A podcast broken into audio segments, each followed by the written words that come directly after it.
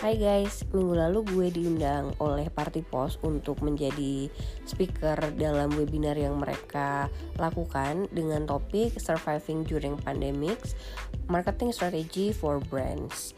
Di episode kali ini gue pengen sharing kepada kalian karena di webinar tersebut emang gue minta jangan share slide gue ke publik karena memang um, it's a bit confidential.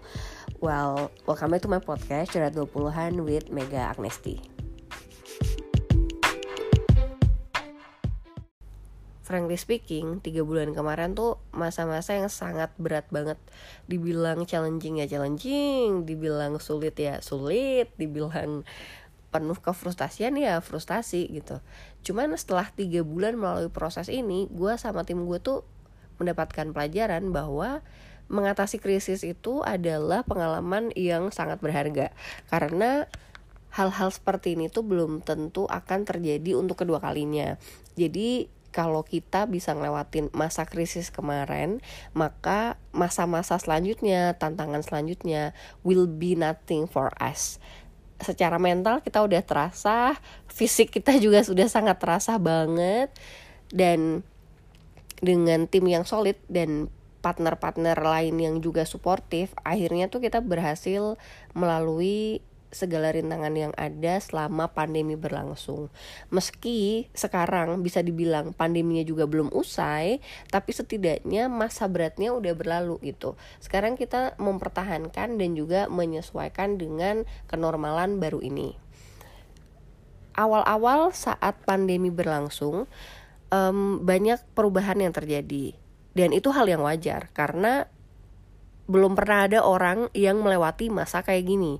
Wabah, musibah, dan krisis baik dari sisi sosial, kesehatan, dan juga ekonomi terjadi itu kan well bisa dibilang ini tuh pertama kalinya gitu dalam generasi kita menghadapi uh, serangan virus yang sampai melumpuhkan banyak aspek dalam dunia ini gitu.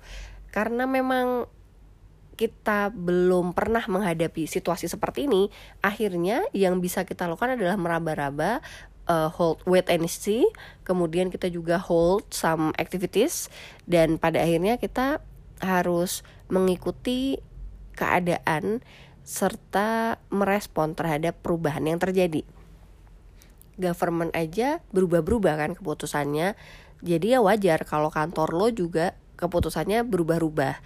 Berubahnya itu udah bukan lagi bulan dalam hitungan bulan gitu ya, bukan lagi dalam hitungan minggu, bahkan bisa perubahan itu terjadi setiap hari.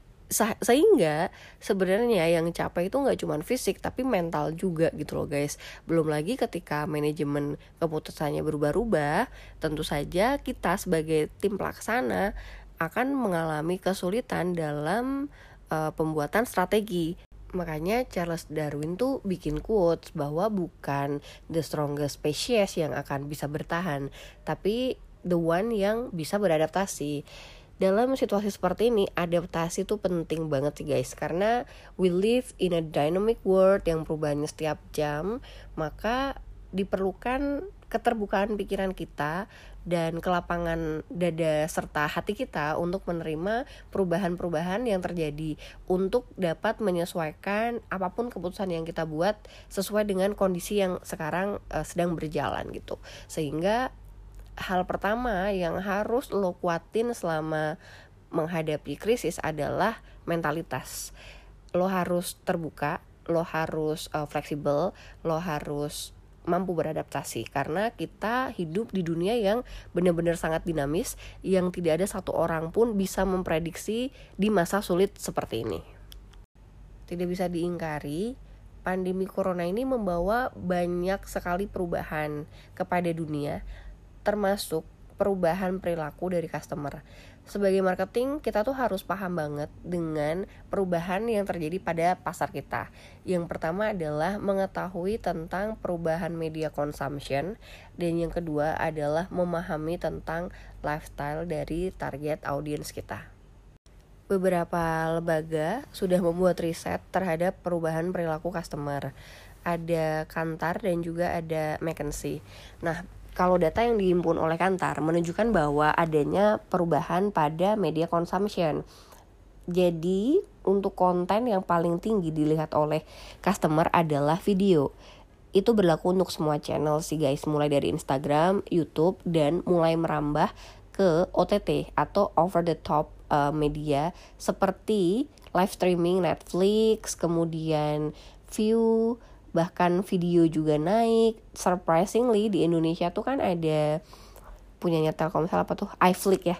iFlix. Itu juga mengalami kenaikan. Jadi memang selama orang di rumah aja kemarin konsumsi video tuh cukup tinggi banget guys. Dari sini ketika kalian tahu bahwa media consumptionnya berubah maka kalian juga harus berpikir untuk membuat perubahan pada konten yang kalian produksi. Perbanyaklah konten video. Nah kalau dari studi case yang gue lakukan kemarin bersama tim gue memang viewers dari video gue tuh tinggi banget meskipun engagementnya rendah. Artinya gini yang lihatin atau nonton video gue tuh bertambah sih dibanding hari-hari biasa. Cuman mereka cuma suka lihat aja. Nggak ada interaksi terhadap video itu seperti likes, komen atau share itu nggak setinggi biasanya. Tapi in term of viewers rate itu lebih tinggi dibanding keadaan normal. Dan yang kedua adalah media mix. Kalau kalian tahu di YouTube ada banyak penonton, di Insta TV juga banyak yang nonton, kemudian di OTT juga banyak yang nonton, secara ads placement kalian tuh juga harus mikirin mengenai media mix ini apakah kalian hanya akan di Facebook sama Instagram atau juga ke YouTube atau bisa juga placement di OTT menurut gue semuanya sih masih affordable sih guys. Jadi kalian harus mikirin uh, kombinasi antara konten yang bagus dan juga media mix yang sesuai dengan segmentasi audiens kalian. Sementara yang kedua adalah perubahan lifestyle. Work from home itu benar-benar merubah uh, apa ya banyak hal. Karena kita kerja di rumah, kita masak di rumah, kita makan di rumah, kita istirahat di rumah, semua hal dilakukan di rumah. Maka hal ini juga membawa perubahan perilaku pada customer. Dulu kita nggak terbiasa nih video conference gitu kan rame-rame sama orang di kantor. Biasanya cuma konkol dengan beberapa pihak, pihak eksternal, pihak yang di luar negeri gitu. Cuman sekarang uh, platform seperti Zoom itu udah kayak jadi BFF gitu untuk semua orang. Maka sebagai marketer kita juga harus aware nih sama hal-hal seperti ini. Di sisi lain, ketika semua aktivitas dilakukan di rumah, maka tiap-tiap orang itu harus menjaga kesehatan dan kewarasannya kan.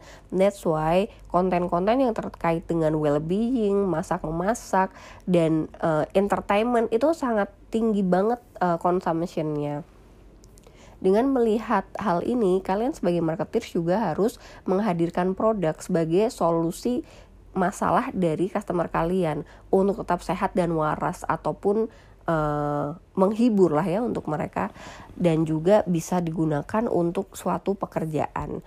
Coba deh, apakah produk kalian bisa di-insert dalam sebuah solusi bagi customer kalian? Jika bisa, maka akan lebih baik karena customer capek kali kalau dikasih hard selling terus-terusan.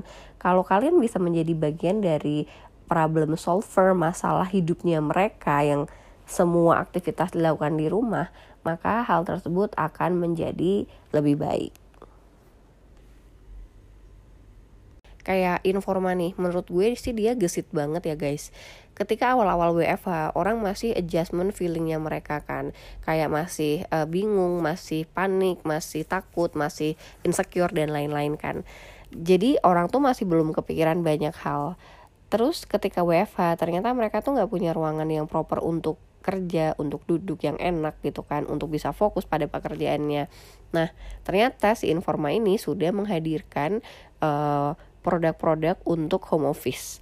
Jadi waktu gue ke sana di setelah satu bulan WFH ya, gila men itu produk um, yang terkait home office-nya mereka udah lumayan uh, terjual banyak. Karena surprisingly awal-awal kan kita nggak kepikiran ya untuk bikin home office. Ternyata emang banyak banget yang nyari produk-produk untuk bikin rumah jadi tempat kerja yang nyaman.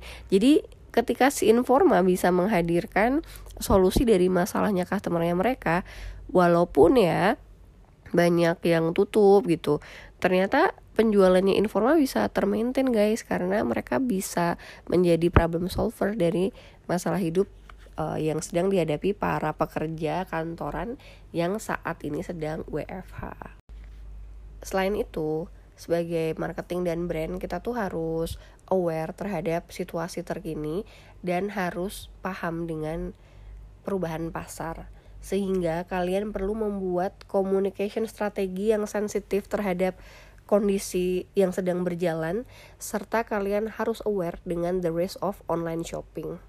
Untuk communication strategi, uh, pandemi ini kan cukup challenging ya untuk semua orang dan juga kita aware banget lah ya terjadinya penurunan iklim ekonomi banyak yang kehilangan pekerjaan banyak yang gajinya dipotong gitu jadi brand dan marketeers tuh diharapkan lebih sensitif dalam membuat strategi komunikasi.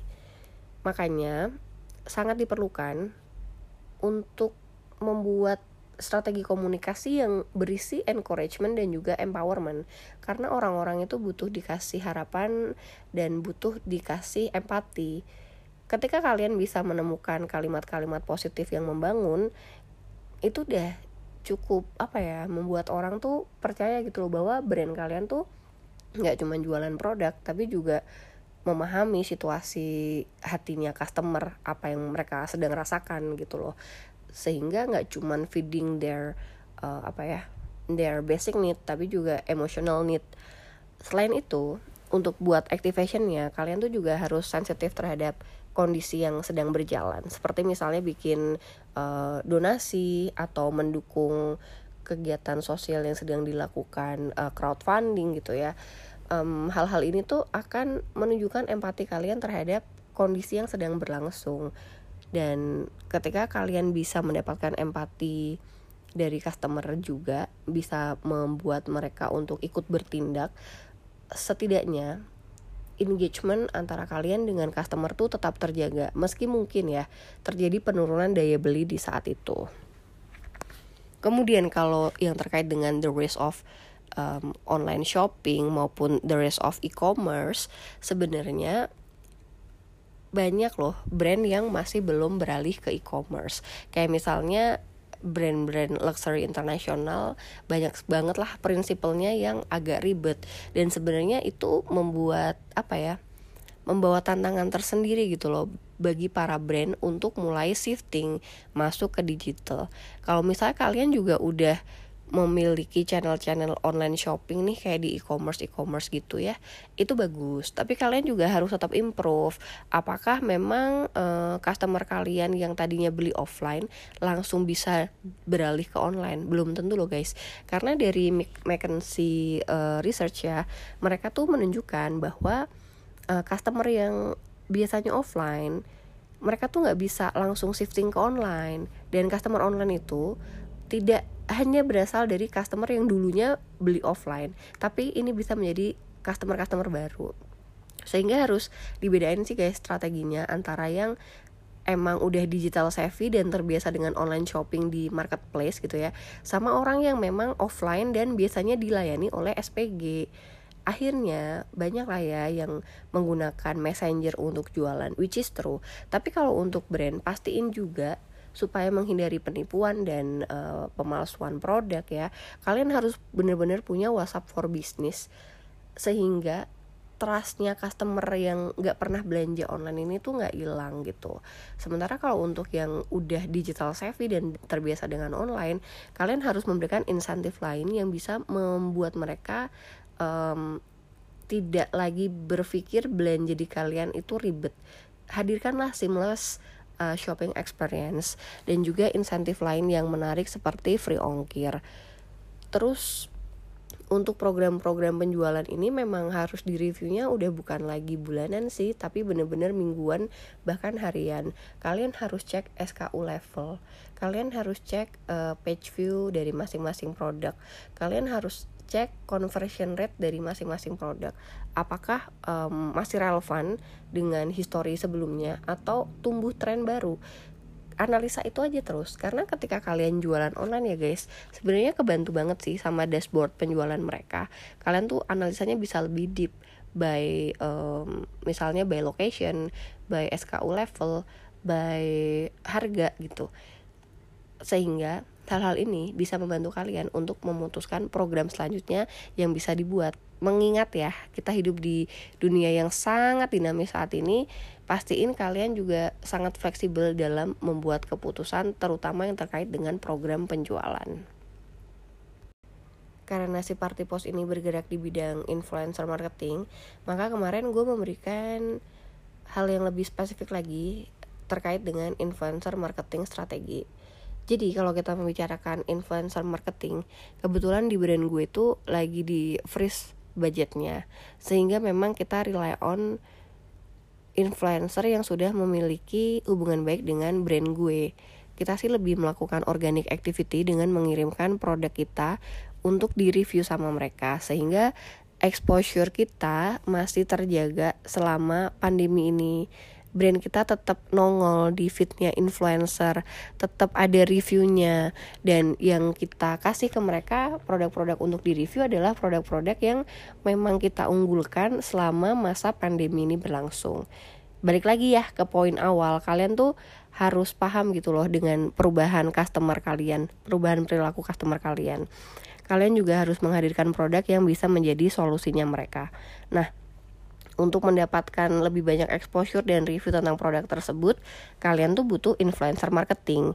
Dan gue tuh tetap mengkombinasikan sih antara uh, makro dan mikro influencer karena memang kalau untuk impression dan exposure, sure gue butuh bantuan dari makro influencer sehingga uh, segmentasi audiens yang terjangkau lebih luas gitu kan tapi kadang gue juga butuh banget nih micro influencer. Bukan kadang ya sering banget gue butuh banget sama yang namanya micro influencer.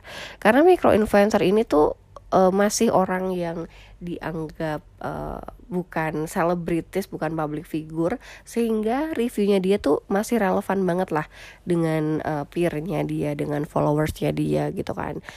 Nah, untuk mendapatkan deep engagement, biasanya gue menggunakan micro influencer ini.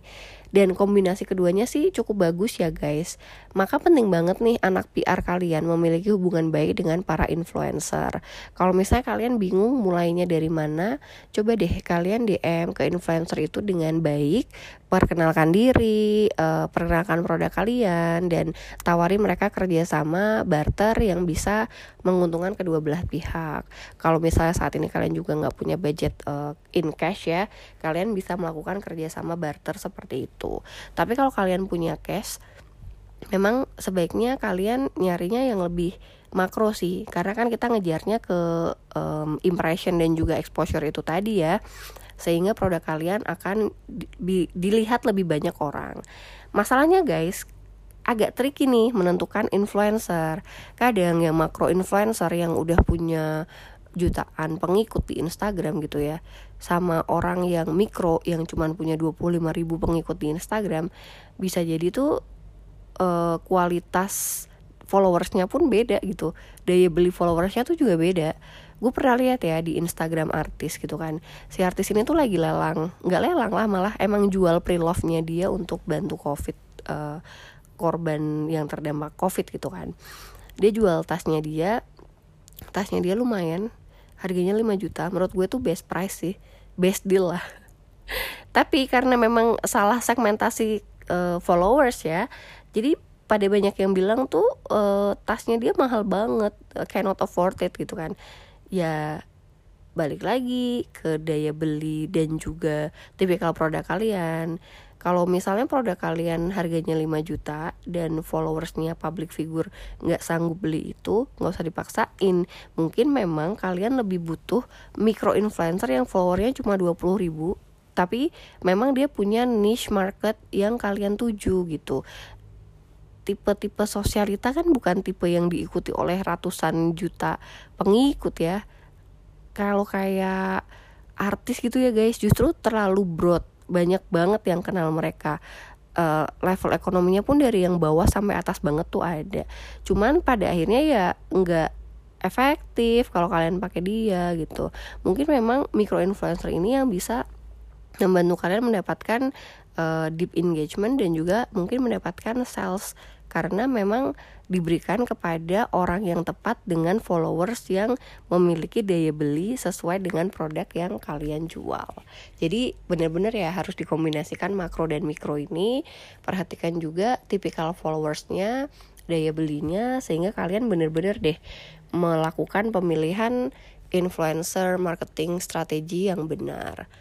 Nah sebenarnya ya kalau si party post ini menawarkan um, nano influencer which is uh, followersnya masih di bawah 10 ribu gitu lah ya. Nah si nano influencer ini tuh bisa melakukan activity yang meningkatkan traffic dan penjualan kalian. Tapi sebenarnya ini kayak shifting ngakalin alokasi marketing budget kalian sih. Ini lebih ke technical. Misalnya kalian punya budget influencer marketing tapi nggak gede. Tapi kalian pengen meningkatkan traffic dan penjualan produk kalian. Nah budget influencer ini kalian bayarkan kepada nano influencer itu nanti tuh mereka kan beli produk kalian ya kan? Terus udah gitu review produknya. Nah influencer budget kalian uh, pakailah untuk membayar fee-nya mereka. Win-win solution banget sih guys. Mereka dapat produk mereka nge-review kalian bayar juga nggak terlalu gede untuk tipikal nano influencer ini. Speaking of impression dan juga uh, exposure mereka tetap memberikan impression dan exposure sih. Meski kalau dibandingin dengan makro influencer akan berbeda.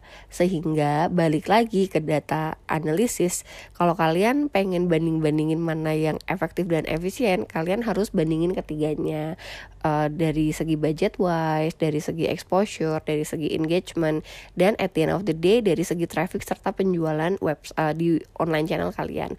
Mana yang paling efektif dan efisien itulah yang dipilih kalau gue karena udah pernah menjalani semuanya, gue tetap memilih ketiganya sih dikombinasikan sesuai dengan porsinya. Sehingga gue bisa mendapatkan uh, apa ya rumus terbaik supaya exposure gue terjaga review gue juga tetap bagus dan penjualan gue juga meningkat gitu.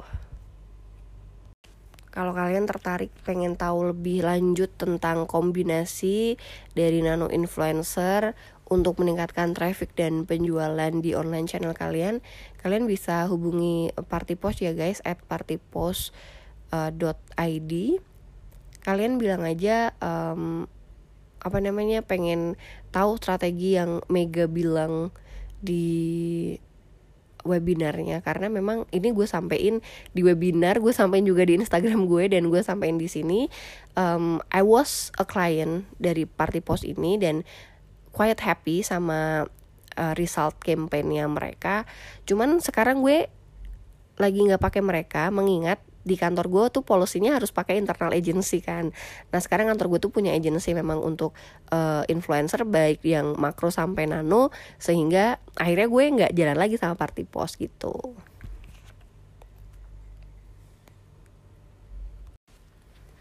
Nah, menghadapi dynamic world ini, kalian juga tuh harus selalu update dengan perkembangan yang terjadi di luar sana. Gue sih sering baca berita tentang apa ya global trend tuh seperti apa tentang industri trend gue tuh seperti apa tentang outlook setelah pandemi ini bagaimana? Gue juga ngikutin tentang berita-berita atau kebijakan yang dikeluarkan pemerintah karena ini terkait dengan offline store gue kan guys. Nah ketika akhirnya um, data-data yang kalian kumpulkan ini menyatu coba deh kalian tuh take satu hari untuk analisa data-datanya, kumpulin data yang kalian dapat mulai dari marketing dashboard, sales dashboard dan juga eksternal data kayak dari uh, research agency maupun brand kompetitor gitu ya. Terus kalian coba lihat dari 360 uh, eh, view untuk menyatukan data-data yang terpisah-pisah itu menjadi satu cerita. Nah, dari situ biasanya kalian tuh akan mendapatkan insight oh si brand A begini, si brand B begini. Ketika ada uh, policy seperti ini dari pemerintah, mereka begini. Oh, industri outlook tuh kayak gini. Jadi gue bisa membuat strategi-strategi seperti ini nih kayaknya. Skenario A seperti apa, skenario B seperti apa. Uh, terus kalau ini nggak work apa yang harus gue lakukan? Memang akhirnya kalian harus terbiasa mapping apa yang ada di otak kalian sih guys menurut gue menulis ulang apa yang kalian dapat bikin rekap, bikin analisa, terus akhirnya sum up untuk bikin the new strategi itu tuh harus dilakukan secara manual sendiri dulu. Nah nanti kalau kalian udah siap dengan apa yang ada di otak kalian, kumpulin tim kalian ngobrol deh. Kadang gue juga diskusi sama atasan gue kan, I want to do this, this, this, this. Menurut lo bagaimana gitu? Karena di masa-masa kayak gini tuh ada saat di mana lo emang harus menyendiri untuk analisa, tapi lo tetap butuh support dari sekitar lo gitu loh. Ingat ya guys, lo tuh di masa-masa sulit ini lo nggak sendiri. Lo punya temen, lo punya tim, lo punya atasan, uh, apa ya libatkanlah semua pihak dalam organisasi lo untuk memutuskan strategi ke depan apa yang bisa dihadapi apa yang bisa dilakukan gitu kan maka dengan begitu pekerjaan kita tuh jauh lebih mudah gitu. Karena kadang kita nggak kebayang apa yang harus dilakukan. Justru kadang jawaban-jawaban itu malah hadir dari divisi-divisi yang bisa jadi nggak pernah kalian pikirkan. Ternyata divisi itu punya uh, ide yang menarik juga gitu. Jadi udahlah. Kalian harus open your mind dan open to every possibility. Pada akhirnya ketika gue ditanya untuk uh, survive during pandemi ini atau pada akhirnya nanti kita udah masuk ke masa recovery ya kita tuh emang harus riding the wave sih. Kalau misalnya nih saat ini orang-orang lagi pada sering pakai kalimat new normal ya udahlah sekalian kalian bikin aja campaign yang terkait new normal. Kenapa sih kita harus riding the wave atau ngikutin tren yang sedang ada gitu Uh, karena memang pada akhirnya tren ini menciptakan uh, pencarian-pencarian baru atau tren lifestyle baru. Semuanya udah pakai new normal gitu kan. Misalnya kayak um, gue di beauty industry gitu ya udah gue bikin aja campaign yang terkait new normal beauty atau new normal makeup atau new normal skincare. Pokoknya uh, selalu include new normal ke dalam every campaign maupun activation yang lo lakukan supaya secara tren lo akan selalu teratas. Kemudian lo juga harus konsisten dalam menganalisa customer behavior. Lakukan ini secara weekly sih menurut gue supaya kalian tahu perubahan-perubahan tren yang terjadi. Karena kemarin awal-awal WFH tuh bener-bener deh banyak banget trennya. Mulai dari tren pakai bantal jadi baju tren apa ya home treatment tren pas the brush tren masak memasak gitu kan dan setiap minggu tuh berubah banget guys jadi emang analisa tren ini harus dilakukan secara reguler dan menurut gue weekly cukup banget sih untuk bikin analisa apa yang terjadi di luar sana dan respon kalian terhadap tren tersebut. Selanjutnya yang ketiga adalah kalian harus konsisten dalam memonitor media consumption. Kalau awal-awal WFH orang uh, langsung subscribe banyak banget di Netflix, di View ataupun di video. Nah, kalian harus lihat uh, minggu kedua tuh masih sama kayak gitu atau enggak gitu. Kalau misalnya kalian punya media agency ya guys, itu enak banget sih karena kalian bisa cari datanya dari mereka. Tapi kalau kalian nggak punya privilege untuk mendapatkan data-data dari agency kayak gitu, kalian amati aja dari diri kalian sendiri dan teman-teman terdekat. Uh, mereka tuh lagi seneng apa sih? Kalau kayak sekarang kan bisa dibilang tren nonton Netflix maupun view agak menurun karena memang orang udah mulai bosen kan. Sekarang trennya sepeda gitu. Mungkin setelah gue uh, apa namanya upload episode kali ini bisa jadi nanti trennya ganti lagi. Jadi memang untuk menganalisa dari media consumption ini penting banget sih guys. Jadi kalian tuh tahu gitu uh, customer kalian tuh lagi ngelihatin apa gitu. Dan ikutilah media mix dari channel-channel yang customer kalian gunakan. Walaupun gue yakin sih yang paling tinggi itu masih Facebook dan Instagram. Keempat, kalian tuh juga harus analisa customer behavior dibandingkan dengan buying power.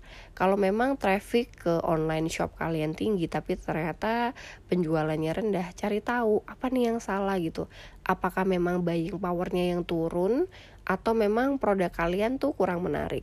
Kalau misalnya buying powernya turun, artinya mereka yang tadinya bisa beli barang 300 ribu mungkin sekarang budgetnya cuma 100 ribu either mereka nyari um, apa ya yang kemasan lebih kecil atau mereka nyari produk replacement yang hasilnya sama kayak produk kalian.